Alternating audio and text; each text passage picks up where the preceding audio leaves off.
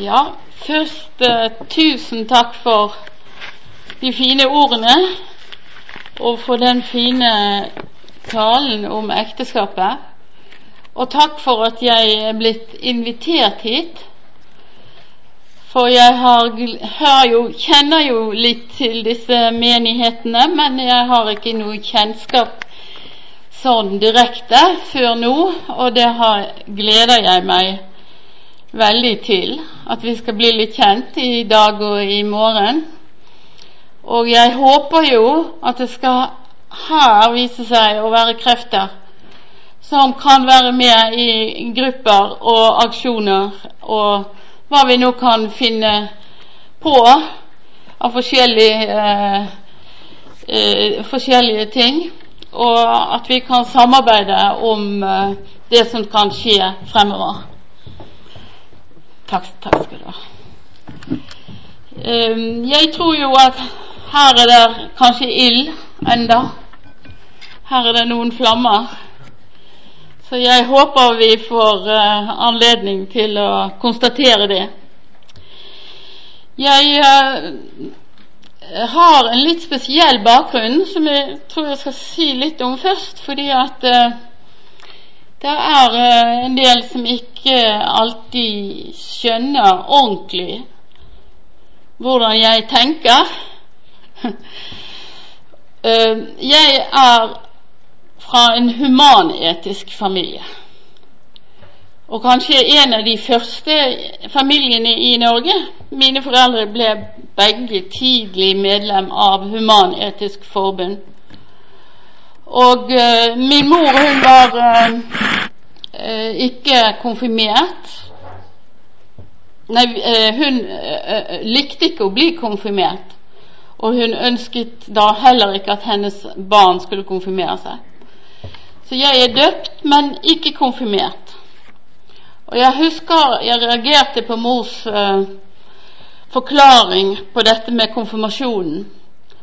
For da måtte hun avsverge djevelen og alle hans gjerninger.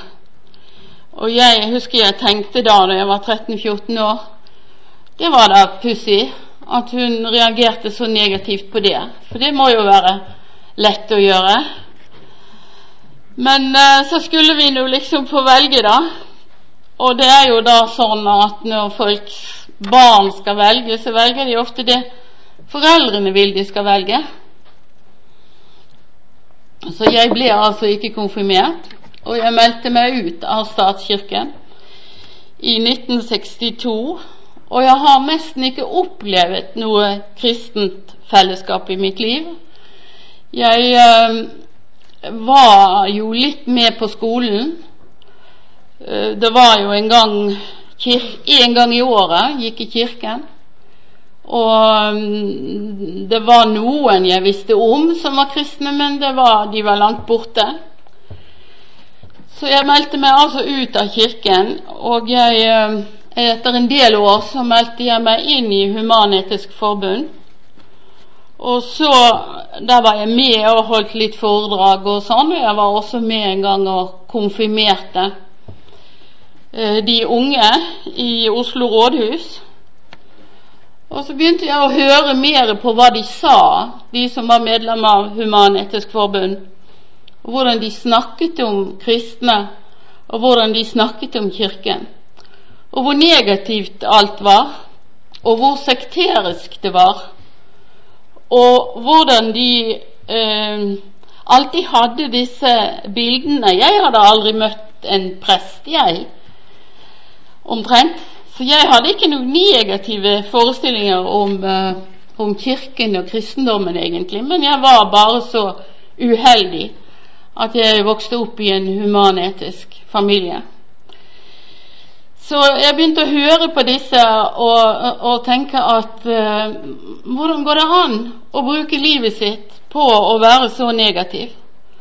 Hvordan går det an å bygge en, et livssyn på bare avstandtagen og negativitet, og dessuten bygger det på troen på Big Bang, og bygger det på naturvitenskapen? Hvordan går det an? Hvordan finner de noe eh, livssyn der. for der finner man jo ikke så mye livssyn som bekjent. Så jeg oppfattet eh, sånn som de var da, det miljøet i Oslo, som en gruppe mennesker som ikke var eh, så veldig tiltalende etter hvert. Så jeg meldte meg ut. Og så har jeg jo skrevet mye innenfor en filosofisk retning som heter personalisme. Jeg skal si litt mer om det i morgen. Det er en filosofi som bygger på personen som uh, alle verdiers kilde. Det er en uh, filosofi som mange som har vært uh, innenfor forskjellige kirkeretninger, har anvendt. Og jeg synes jo det er en god idé at alle kristne også har en filosofi og ikke bare en teologi. Eh, pave Johannes Paul han var personalist, og han har skrevet veldig mye fint og bra. Martin Luther King var personalist. Og det var mange personalister i mellomkrigstiden i Europa, i Tyskland og Frankrike. Og uh, han som jeg først uh, fant ut var en del av meg, holdt jeg på å si, han heter Emmanuel Monier og han levde fra 1905 til 1950 og var fransk og var en veldig anvendt fransk filosof, men dessverre så døde han så ung i en bilulykke. Så det ble vel ikke uh, Fordi han forsvant, så fikk også den filosofien mindre betydning. Men det var jo også det at andre ideologier og andre filosofier fikk mye større betydning. Men jeg uh, har jo skrevet en del bøker omkring disse temaene, eller personalistiske temaer. Det elskende mennesket, det innerste valget. Litt forskjellige bøker som dere kan finne på eh, Internett, på Fagbokforlaget og Vigmostad og Bjørke. Jeg hadde noen brosjyrer som jeg dessverre glemte å ta med meg. Nå har jeg da opplever jeg på en måte fått bruk for alt jeg kan og har arbeidet med hele mitt liv i denne ekteskapsloven og denne boken. Så her er på en måte mitt uh, Ja, hva skal vi si Det her slutter det kanskje. Altså, min tenkning har nådd hit, og jeg er ikke sikker på om den kommer lenger. For det å arbeide med denne ekteskapsloven, det har vært så slitsomt og så tungt og så viktig og så meningsfylt at jeg akkurat nå så kan ikke jeg tenke meg at det er andre temaer jeg kan bli interessert i. Selv om det er trist og grusomt, og selv om jeg kan grine og jeg kan være forferdelig fortvilet, så oppfatter jeg nå at dette er det viktigste og eneste tema man egentlig burde holde på med, inntil det er fjernet igjen. Så jeg eh, oppfatter at eh, på en måte hele min oppvekst, he, eh, mine studier i filosofi og alt mitt arbeid, har på en måte forenet seg i denne saken. Det kan ikke jeg vise dere nå, men alle som har lest en del av hva jeg har skrevet, vil på en måte se at dette er den perfekte sak for meg. Altså Selv om den er så trist, så er nesten en perfekte sak. Og den er også perfekt fordi jeg er gift med en jurist, eh, professor i juss, familierett, han har arbeidet med ekteskap eh, store deler av sitt liv, ekteskapsloven. Helge Johan Tue. Eh, det hender jeg ikke alltid like overbevist om at vi er skapt for hverandre sånn 100 men når vi holder på med denne saken her, er jeg ikke i tvil om det. Og når jeg ser noe litt sånn tilbake, så tenker jeg at det er av den vi har holdt sammen i snart 40 år. Det, det, er virkelig eh, det som er planen. Det må være det som var planen med oss, at vi skulle holde på med dette. Så vi skal jo også gå til en rettssak mot staten, og det, det, skal jeg si litt mer om på slutten. Men uh, han og jeg vi har hatt mange uh, samtaler de siste uh, par årene om dette. Og det er ingen som forstår hva jeg tenker så godt som han, og det er ingen som forstår så godt hva han tenker som jeg. Så vi er helt fullkommen sammen i dette. Ja. Og så har vi jo da holdt på med denne saken en del tid.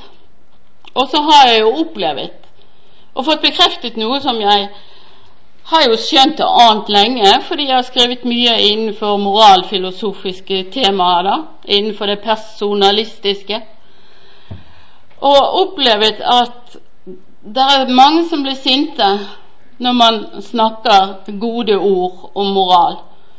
Når man skriver og snakker om at moral er viktig, så er det en del som blir sinte. Og uh, jeg har uh, opplevd at uh, en del sjikane i den anledning.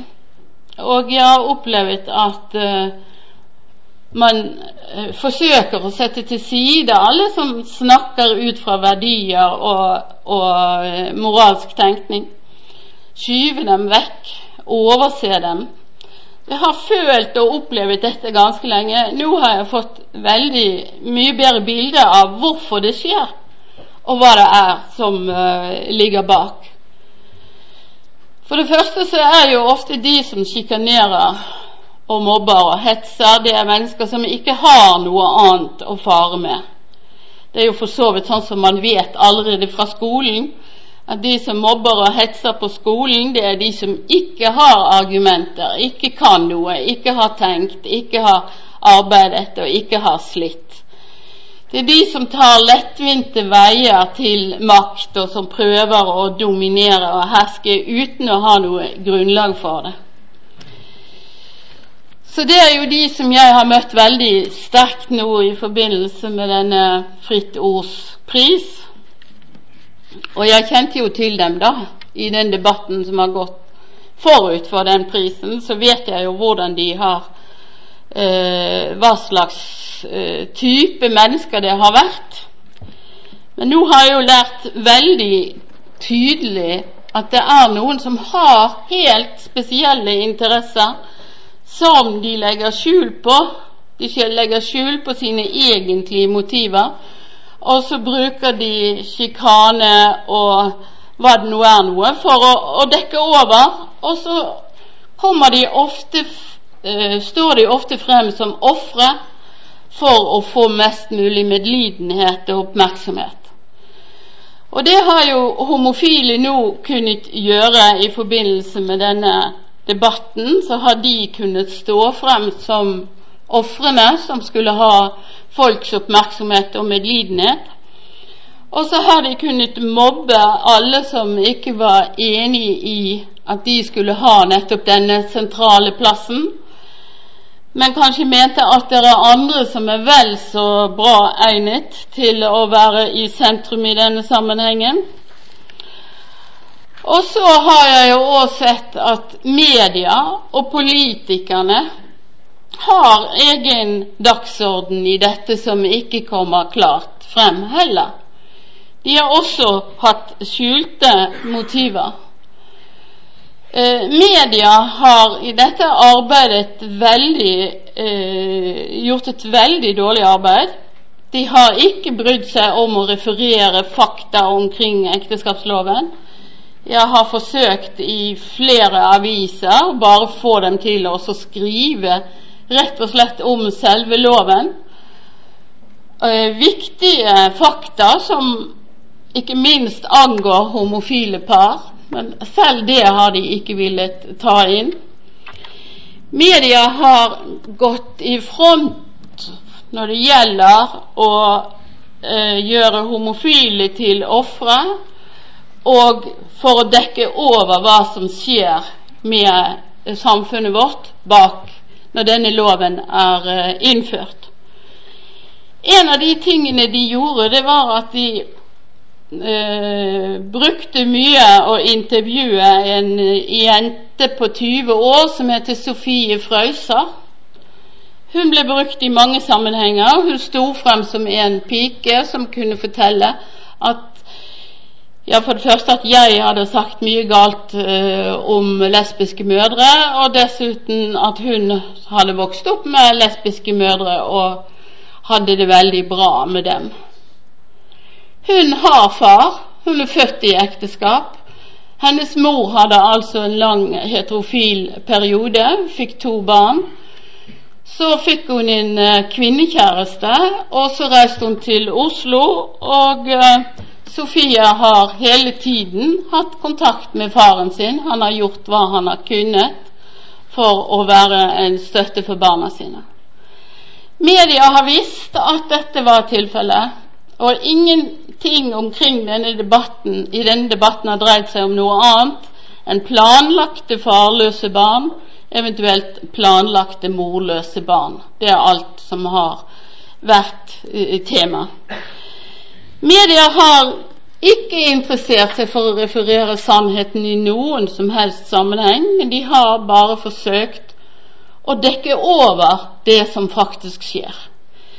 Jeg tror at media selv kanskje er også dårlig informert, sånn at de ikke har forstått poenget. Men jeg tror også at de bevisst har gått inn for å dekke over det. Dels fordi at det er veldig mange journalister som tilhører venstresiden i norsk politikk. Frank Orrebrot gjorde en undersøkelse nå i mai 09 eh, over hvor mange stortingsrepresentanter fra de forskjellige partiene hadde kommet inn på Stortinget hvis media skulle bestemme. Da ville 127 representanter vært fra eh, venstresiden, altså SV, Ap og Venstre, radikalliberalene, og ingen fra Fremskrittspartiet, Kristelig Folkeparti og Senterpartiet ville ha kommet inn på tinget. Hvis media hadde fått bestemme. Så den virkeligheten vi får presentert, det er den virkeligheten som disse partiene vil skal være tilfellet. Det er den virkeligheten de vil ha, ikke den virkeligheten som folk vil ha. Jeg tror jo også at det er mange homofile i media som aktivt motarbeider informasjon. Det er veldig mange i uh, den politiske eliten som går inn for De som har gått inn for denne ekteskapsloven, som er homofile. De som begynte å demonstrere mot meg, det var faktisk den første det var han Kjell Erik Øie, statssekretær i Barne- og likestillingsdepartementet. Så var det André Oktay Dahl. Han skrev veldig skarpt mot meg i mange aviser. Og så sendte han meg et privatbrev hvor han ville være venner. Det var jo litt morsomt. Men jeg hadde ikke lyst til å være venn med han. Og så var det jo biskop eh, Jørgensen, da, som kom på banen. Så var det Anette Trettebergstuen. Så var det Bjarte Hjelmeland. Og så var det Stein Lillevolden. Veldig mange på uh, tinget, i departementene rundt omkring, har hatt sine veldig klare sympatier i en bestemt sammenheng. Det var selvfølgelig også mange fra Landsforeningen for lesbiske og homofile det er jo en forening på ca. 2000 medlemmer. Og så vidt jeg vet, så har Jeg har prøvd å finne ut av det, men jeg er ikke sikker på hvor uh, Tallet er jeg ikke sikker på.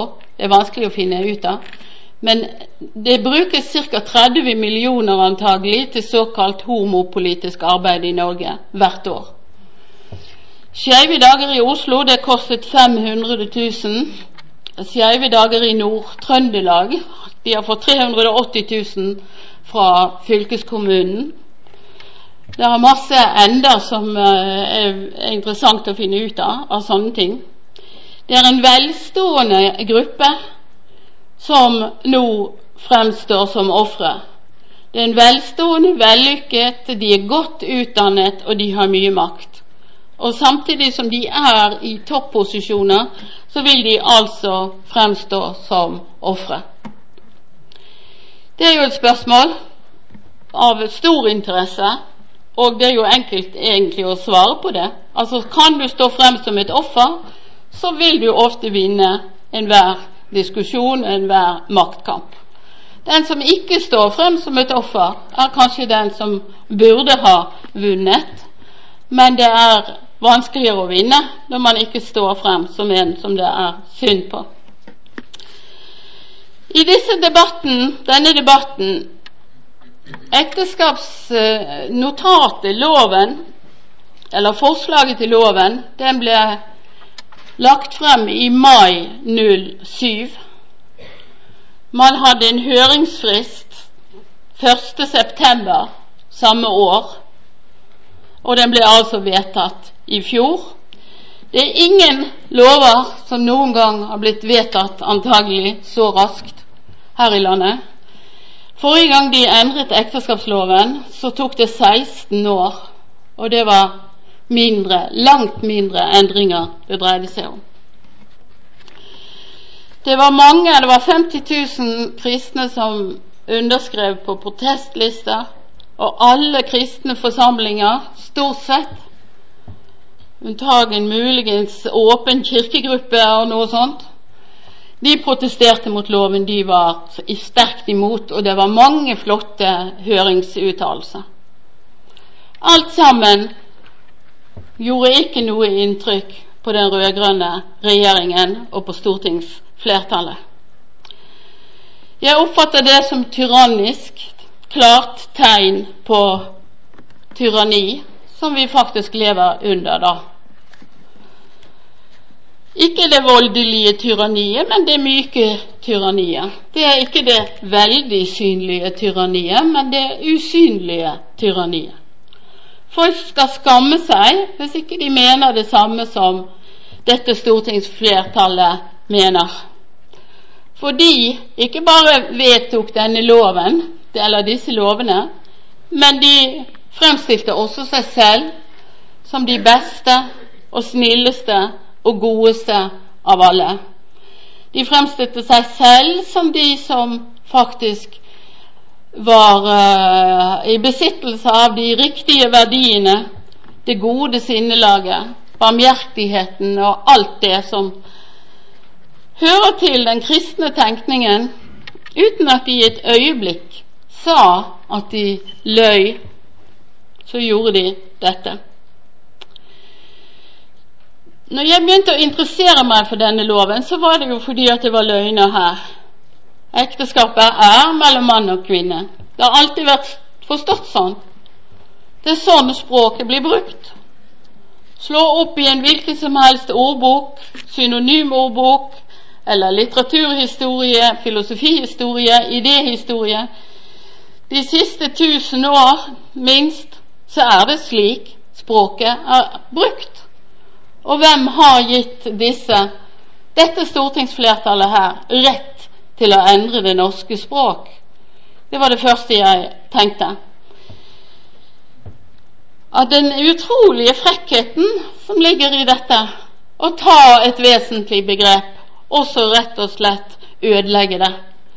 For på grunn av et lite, lite fåtall som har interesse nettopp av at ekteskapet ikke lenger betyr det det har betydd. Det er bare et lite fåtall, ca. 1-2% av befolkningen, som har interesse av at ekteskapet ikke betyr det det alltid har betydd.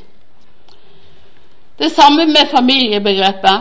Det kan vi komme tilbake til. Det er bare noen få som vil ha det slik, og så får de altså retten til å definere på vegne av oss alle. Man har altså tatt ett ord, og så har man endret alt. Og noen sier at ja, men ett ord er ikke så farlig. Men hva hvis man tar ordet Gud og erstatter det med ordet Allah? Da tar man ett ord og flytter på det og tar inn et annet. Da blir veldig mye annerledes. Disse lovene, familielover, de skal skape orden i samfunnet. De skal skape eh, gode eh, strukturer og mønstre og sammenhenger. De skal gjøre at vi får oversikt og innsikt og forståelse. De skal ikke lage kaos. Lover som lager kaos, er livsfarlige for ethvert samfunn. Og lover som legitimerer umoral og amoral, de er også livsfarlige for ethvert samfunn. For dessverre er det slik at mange mennesker tror at det som står i loven, er av det gode, sånn at bare det da står i loven, så er det godt å gjøre det som står i loven. Da nazistene begynte å endre på Tyskland i midten av på 30-tallet og vedtok lover som gjorde at eh, Nei, og, og sørget for at alle jødenes eiendommer, kapital, alt kunne konfiskeres, så vedtok de først lover som sa at dette var slik at det skulle tas. Så nazistene hadde ikke noe politi som gikk og tok eiendommer og, og naboleiligheter og, og hva det nå var for noe. De hadde ikke noe stort apparat som gjorde at de kunne overta alt det som jødene eide. Nei, alle naboene gjorde det. Det var folk flest, som tok det de kunne få tatt, fordi loven sa at det var helt riktig å gjøre det. Så har man de rette lovene, så kan man gjøre, transformere en befolkning ganske fort. Enda mer dramatisk er jo det som har skjedd i andre land, selvfølgelig. Rwanda, hvor, man, hvor det blir lov å drepe og så begynte folk å drepe. Nå har vi altså fått en ekteskapslov, barnelov, bioteknologilov, adopsjonslov, som sier at det er veldig lov å lage barn når du har lyst. Det er greit og enkelt. Men la meg ta de litt én og én. Vi har nå en ny ekteskapslov som heter likekjønnet ekteskap. Vi lever ikke lenger i ekteskap, vi lever i likekjønnet ekteskap. I utlandet så heter loven same sex marriage. Den andre loven, den som er opphørt, den heter marriage. Bare ekteskap. Den nye heter likekjønnet ekteskap. Så vi har altså fått forandret navnet på ekteskapsloven. Det vil si at Norge har sluttet seg til en fire-fem andre land som har den samme loven, mens resten av verden har den gamle ekteskapsloven. Det er Norge, Spania, Nederland, Belgia, Sverige, og så er det Canada. California de hadde den, men de har gått tilbake på det. Så det er noen få land i verden som har denne likekjønnet ekteskapslov, og resten av verden har et fellesskap basert på en årtusen år gammel tradisjon. Partnerskapsloven og ekteskapsloven er begge opphørt. Så vi er for så vidt, alle som er gift her, og som var gift fra før første i første, 09. Vi er nygiftet. Vi er nygift. Vi har alle nå den samme bryllupsdato. Og kanskje Jens og Anniken er vår alles forlovere. De giftet oss inn i den likekjønnet ekteskap, overførte oss til likekjønnet ekteskap, mens partnerne fikk lov til å bestemme selv om de skal inn i dette ekteskapet. Så 1,6 millioner mennesker er automatisk overført til likekjønnet ekteskap, mens ca. 3000 mennesker, litt mer enn det, vil bli spurt om de ønsker det, og det er den gruppen som det likekjønnet ekteskap er skreddersydd for av statssekretær Kjell Erik Øie barne, eh, i Barne- og likestillingsdepartementet, homofil og tidligere sykepleier. Så loven er laget av en som ikke kan juss, men som har den rette legning i departementets, regjeringens øyne. Denne loven den gjelder alle da i Norge, og også utlendinger som bor i Norge og har domicile her, oppholdstillatelse her, er omfattet av denne loven. I Norge så har vi domicilprinsippet, og det vil si at uh, det er norske lover som gjelder. Disse partnerne de kan melde fra til Folkeregisteret om de uh, vil overføres til loven. De kan ta ut et skjema fra Internett, og så kan de underskrive det uten vitner, tror jeg. Jeg tror ikke de behøver vitner. De kan underskrive det, og så kan de sende det inn til Folkeregisteret, og så får de det tilbake, et brev med en dato, og den datoen er deres bryllupsdag. Så det sier jo klart og tydelig at myndighetene mener at partnerskapsloven og likekjønnet ekteskapslov er så identiske at de ikke engang behøver å møte opp for byfogden eller hvem det nå måtte være, for å bli gift og ha vitner til at de inngår ekteskap. Allikevel kan de altså samtykke og si nei. Karen Kristine Friele skal si nei, og det er nok en del som gjør det. Så de har fått en personlig frihet som vi andre ikke har fått. Med denne loven så blir det innført et nytt begrep. Det gjelder i barneloven, som blir endret på forskjellige måter. Det er én paragraf, 4a, som sier at et barn kan ikke både ha en far og en medmor. Så medmorsbegrepet kommer inn. Et barn må enten ha en far eller en medmor. Men alle barn har jo far. Og så har vi paragraf to som sier at i norsk lov så er kvinnen som føder barnet, hun er barnets mor. Så hva som kommer før fødselen, det bryr man seg ikke om. Og medmor det er en ny juridisk eh, status som er innført i norsk lov. Jeg vet ikke om man har det i Sverige. Nei.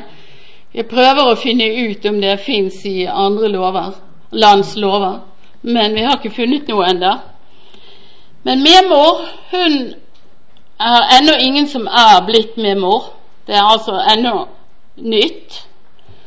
Hun er den kvinnen som, som er sammen med en annen kvinne og planlegger graviditet i denne kvinnens mage. Det er medmor. Hun går med den andre kvinnen på klinikken, og hun underskriver et papir der. Og eh, på en klinikk som staten, norske myndigheter, godkjenner. Og så får hun rettigheter i forhold til barnet som om hun er en steril ektemann eller samboer. Hun eh, skal altså betale barnebidrag, og hun får en livsarving. Hun må være myndig, selvfølgelig. 18 år, det er jo det eneste som eh, Eller det gjelder selvfølgelig fremdeles. Hun uh, behøver ikke noen vitner på denne underskriften. Altså hun, ingen, ingen, behøver egentlig å snakke med henne før hun gjør dette. Hun kan bare gjøre det. Hun kan kanskje etterpå protestere og si at hun har blitt lurt eller gått inn i en avtale som hun ikke vil stå ved. Det vet man jo ennå ikke. Det er noe med sånne kontrakter som er så omfattende at det ikke er sikkert at de behøver å være gyldig. Medmor hun ville ikke være anerkjent i utlandet som barnets foreldre, unntagen eh, i de land som har lover som ligner dette. Så skulle paret reise til utlandet, så ville de ikke bli akseptert der. Barnet får jo nå vite navnet på far, kan få vite navnet på far når det er 18 år. Og det er fordi at Norge forandret anonym sæddonasjon pga. FNs barnekonvensjon, som sier at barn har rett på en mor og, en, og kjenne sine foreldre. Men nå har man altså opphevet egentlig FNs barnekonvensjon. Det skal jeg komme tilbake til. Det er mye annet som følger med denne loven. Det følger at homofile utlendinger kan gifte seg i Norge. Også de som kommer fra land hvor dette er forbudt. Og Det vil bety at blir de skilt og sendes hjem igjen, så vil de kunne få dødsstraff i sitt hjemland. Og det vil vel også bety at de får oppholdstillatelse i Norge. Med denne loven så vil også norske statsborgere som er gift i utlandet, få rett til å reise skilsmissesak i Norge. Det var det tidligere bare partnere som hadde rett til. Det kan oppstå mange nye typer rettssaker. Det skal jeg komme tilbake til. Det er mange flere personer nå som kan ha interesse av både å ha barnet eller å bli kvitt barnet. Det skal innføres nye endringer i lærebøkene. Det skal innføres undervisningsopplegg og kurser, terapiopplegg, som skal tilknyttes disse nye lovene. Barnehager, skoler, byråkrati og selvfølgelig studier i mange sammenhenger alle som har noe med familie og ekteskap å gjøre, der vil det måtte innføres endringer. Man kan ikke lenger, som sosialantropologer gjorde før i gamle dager, å begynne forklaringen, fortellingen om livet med å si det var en mann og en kvinne, og de dannet familier, osv. Det går ikke lenger. Det må endres. Blikk dette bladet til Landsforeningen for lesbisk og homofile det sendes til alle landets skoler allerede. Det er obligatorisk. Og har dere sett et sånt blad, dere kan se det på Internett, så ser dere at det er fullt av ganske mye pornografiske innhold og mange kontaktannonser. Det skal uh, sendes ut en bok, den er også sendt ut nå til alle landets skoler, som heter 'Skapsprengere', der Anniken Huitfeldt er uh, en av redaktørene. Og det dreier seg om homofiles liv, som skal gjøres allment tilgjengelig for alle barn. I tenkningen omkring ekteskapet så er det ikke lenger noen som er brudefolk. I forskriftene er ord som spiller på kjønn, tatt bort. Det heter ikke lenger brud, men det står kvinne skråstrek mann. Det heter ikke lenger brudgom, men det står mann skråstrek kvinne. Det heter ikke lenger eh, eh, brudepar, det heter bare brudefolket eller noe sånt. Det er en tenkning som altså skifter systematisk det heterofile ut med noe som passer utelukkende for de homofile. De sier at det er nøytralt, men det er jo ikke nøytralt. For det homofile og det heterofile det kan ikke falle inn under ett og det samme begrepet. Når mennesker nå har begynt å skille seg, også i 09, så må det innføres registreres om man skiller seg fra en mann eller en kvinne. Før var det opplagt hva det var. Det var det motsatte av det du selv var du skilte deg fra. Men nå er det, må det noteres, og alle kan jo gifte seg med både en mann og en kvinne.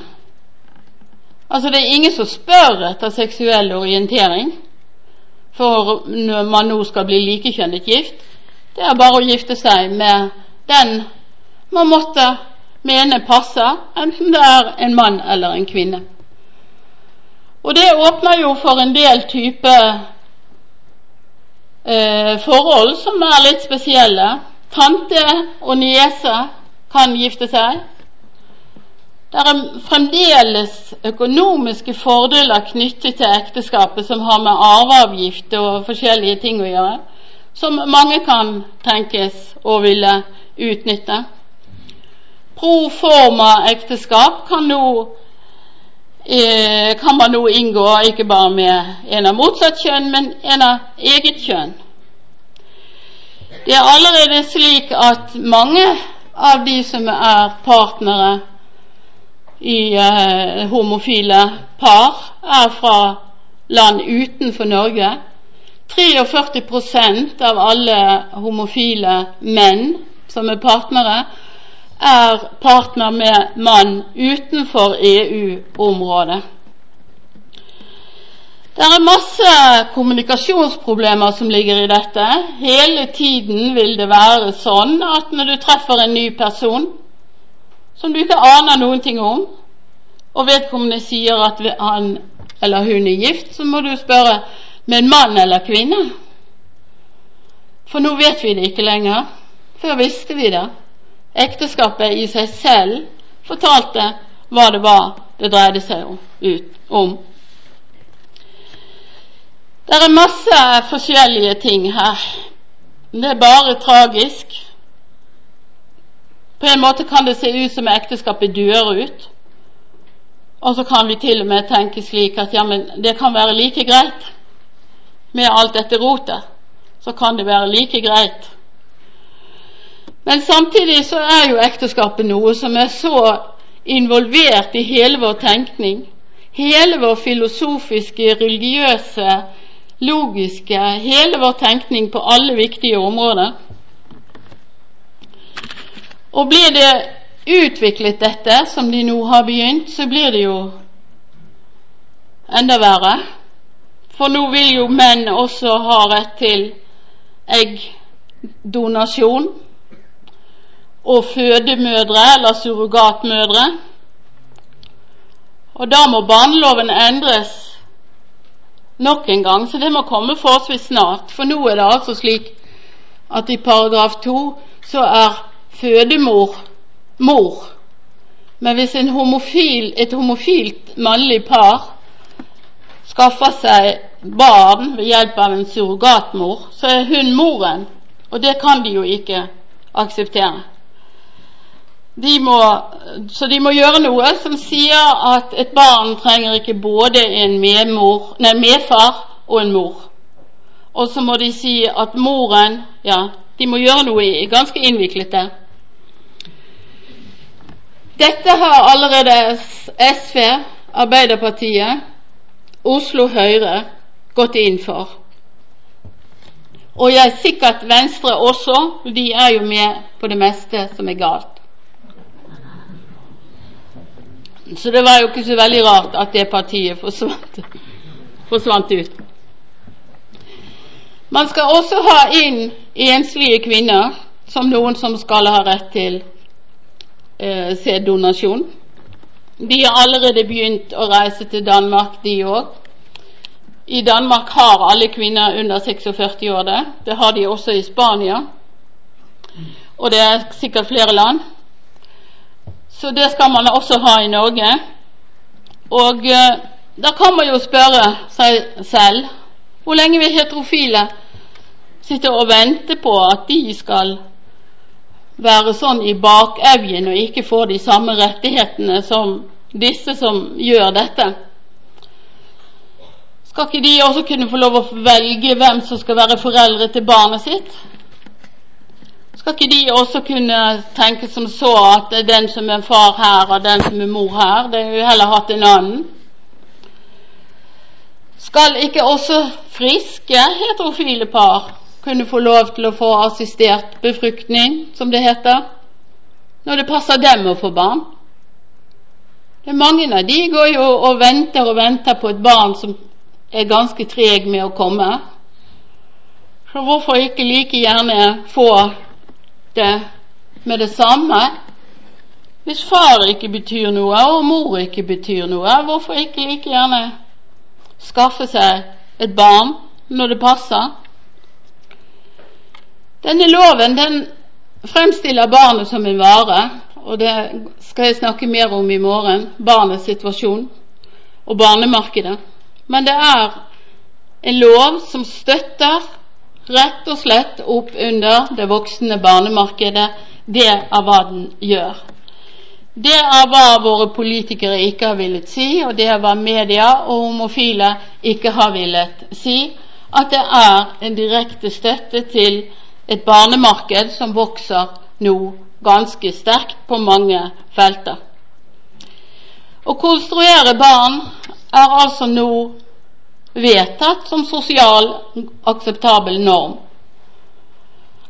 Hittil har man bare sagt hvis man har sagt noe om det, så ligger det i luften at det gjelder for homofile og for single, enslige kvinner.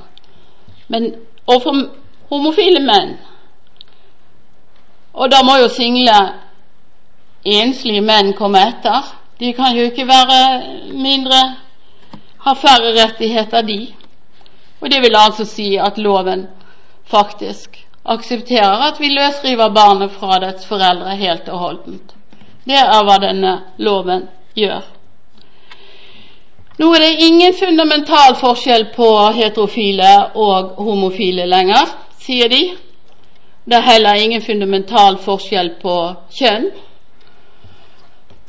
Mann og kvinne er like, gode, like, gode, like bra, like, like, flinke med barn og alt dette, så de skal også inn i det. Det er ingen fundamental forskjell egentlig på far og mor, eller på far og med mor, eller på mor og med far. Det er altså ingen fundamental forskjell på den som er biologisk i slekt med barnet, og en hvilken som helst fremmed person. Det er hva loven sier, og det er ingen vrang tolkning av loven, det er det som ligger i den. Så det vil altså si barnet er løsrevet fra sine foreldre.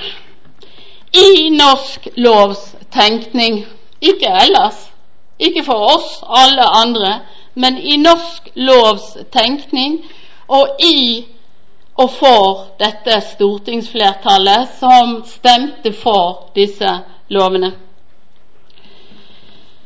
Barnet er frigitt fra adopsjonsmarkedet. Barnet er løsrevet fra de biologiske foreldrene. Og det er de profesjonelle som egentlig er best så hvorfor ikke gi barnet like godt til profesjonelle helsesøstre og barnepedagoger, og, og hvorfor ikke la de få lov å drive med oppdrett av barn?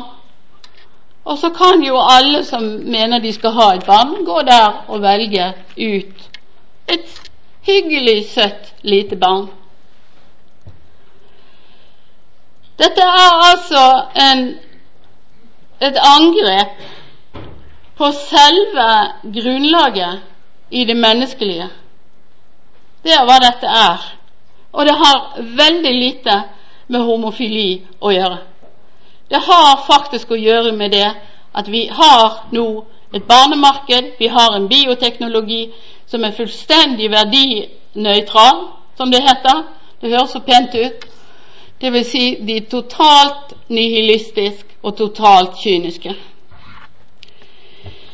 Vi får andre utviklinger. Jeg kommer tilbake til dette i morgen. Men vi får også selvfølgelig andre utviklinger. Nå har vi en, altså en ekteskapslov som likekjønnet. Det vil si at ethvert likekjønnet par som har barn, de er egentlig et polygamt forhold. Er det et barn hos et likekjønnet par, så kommer dette barnet fra en tredje person. Muligens kommer barnet fra tidligere heterofile forhold. De fleste barn homofile har i dag, kommer fra tidligere heterofile perioder som de har hatt. Men uh, med akseptering av likekjønnet uh, ekteskap og barn for likekjønnede par gjennom statens marked, så har vi akseptert poly polygamiet. Det må en tredje person til. Og hvorfor ikke like gjerne få polygamiet inn? Det er bare å endre første paragrafen en gang til, det. I stedet for den gamle hvor det var en mann og en kvinne som kunne gifte seg, og så den nye nå en, man kan gifte seg med både en mann og en kvinne uh, akkurat som man vil. Så får man én ny paragraf hvor det står du kan gifte deg med så mange du vil, eller opptil fem av begge kjønn. Det er bare å endre én paragraf til. Alt det andre kan bli stående, stort sett, vil jeg tro. Litt justeringer her og der. Så har vi polygamiet.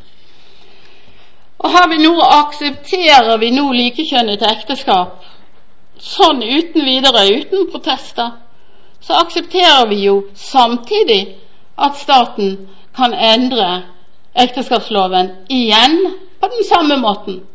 I løpet av et års tid, med det rette stortingsflertallet, så har vi en polygam ekteskapslov. Vi har jo òg muligheter for ekteskapslover som inkluderer sex, seksuelle forhold med barn. Vi kan gå inn for uh, Hvis vi innførte sharia-ekteskapet i Norge, så kunne vi jo bruke forskjellige muslimske lands ekteskapslover. I Iran kan jenter giftes bort når de er ni år og gutter når de er 15. Så der har man fått muligheter for at også pedofile kan synes det er interessant med et ekteskap. Vi har uh, I vårt samfunn så diskuteres det stadig at man skal senke stemmerettsalderen for de unge. Man har mange steder hvor man snakker veldig løst om seksualitet og mange som oppfordrer unge til å eksperimentere med seksuelle forhold. Og så vidt jeg vet, så eh, har de fleste helsesøstre rundt omkring på skolene kondomer som de gir vekk til de som ber om det, eller p-piller eller sånt noe. Så hvorfor skal vi ikke senke ekteskapsalderen uansett? Det ligger i luften, det. At når unge kan begynne å ha et seksualliv i 15-årsalderen, aktivt seksualliv i 15-årsalderen, hvorfor skal de ikke kunne gifte seg? De kan jo bli gravide, så hvorfor skal de ikke kunne gifte seg også? Jeg venter egentlig på en lov som sier at barn skal få lov å skille seg fra sine foreldre, men den tror jeg ikke kommer. Jeg tror vi har innført et veldig promiskuøst samfunn med alt som var galt, er galt, er bare gjort enda verre. Det som er løsrevet og oppløst, det er blitt bare enda verre. Kaos. Jeg eh, lurer på hva som er hensikten med loven, som jeg sa til å begynne med. Jeg tror ikke vi har fått vite motivene. Kanskje vet de ikke selv hva de gjorde. Det er jo nesten sånn at jeg av og til håper at det er tilfelle at de virkelig ikke visste hva de gjorde. For da kan vi jo tilgi dem. Men hvis de vet hva de gjorde, så tror jeg ønsket er Eller det motivet er veldig enkelt. De vil ha befolkningstallet opp i Norge. De vil ha flere fødsler. De vil ha Norge på fødetoppen i Europa. Det sa Jan Bøhler i 08 allerede i et intervju med VG. Der gikk han inn for absolutt maksimal bruk av bioteknologi og barnemarked, sånn at alle kunne få så mange barn som de ville når det passet. Norge skulle på toppen. Flere skattebetalere. Jeg tror det er, kan være så enkelt at den gamle sosialistiske ideen, eller kommunistiske ideen, om det kollektive samfunn, hvor alle på en måte fungerer i et maskineri, og man deler på barn, og man deler på alt dette andre, og ja, det er kanskje det de har innført, uten å fortelle oss det. Vi, jeg og min mann, til slutt, vi skal da gå til rettssak mot staten sammen med en eh, ja, ca. ti andre ektepar som uh, Vi kan ikke bli for mange, for da blir det saken litt for tungvint. Men vi skal gå til sak på følgende, nemlig at vårt samtykke til det gamle ekteskapet, det strekker ikke til til det nye. Ekteskapet er en samtykkelov, som dere vet. Ingen er gift hvis ikke de har samtykket til ekteskap. I Norge har man arbeidet mye med tvangsekteskap i forhold til innvandrerkvinner. Og man har vært sterkt imot det, og man har av den grunn føyde man for noen år til, siden inn en paragraf i ekteskapsloven, jeg tror det var nummer fem, hvor det heter at et ekteskap skal inngås frivillig, av fri vilje, og begge parter skal samtykke til det.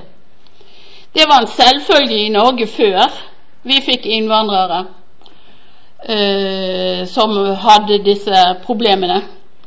Så man lagde denne paragrafen for dem. Så ekteskapet skal vi altså samtykke til. Hvis ikke vi samtykker til ekteskapet, så er det ikke gyldig. Og vi vil da si at vi samtykker ikke til likekjønnet ekteskap. Det er ikke gyldig for vår del. Og det betyr at vårt samtykke det strekker altså ikke til. Hver gang man samtykker til noe, så samtykker man til noe bestemt. Vi har aldri samtykket til at staten kan endre ekteskapet til det ugjenkjennelige, og slett ikke til noe som vi tar sterk avstand fra. Så vi skal forsøke det, og så får vi se hva regjeringsadvokaten sier til oss. Jeg tror ikke de har så mange argumenter, for jeg tror ikke de i det hele tatt var oppmerksom på at også ektepar har rett til å samtykke, i likhet med partnerne. Vår lov, vårt ekteskap, er blitt mye mer forandret enn deres partnerskap er blitt. Så jeg tror vi har en sterk sak.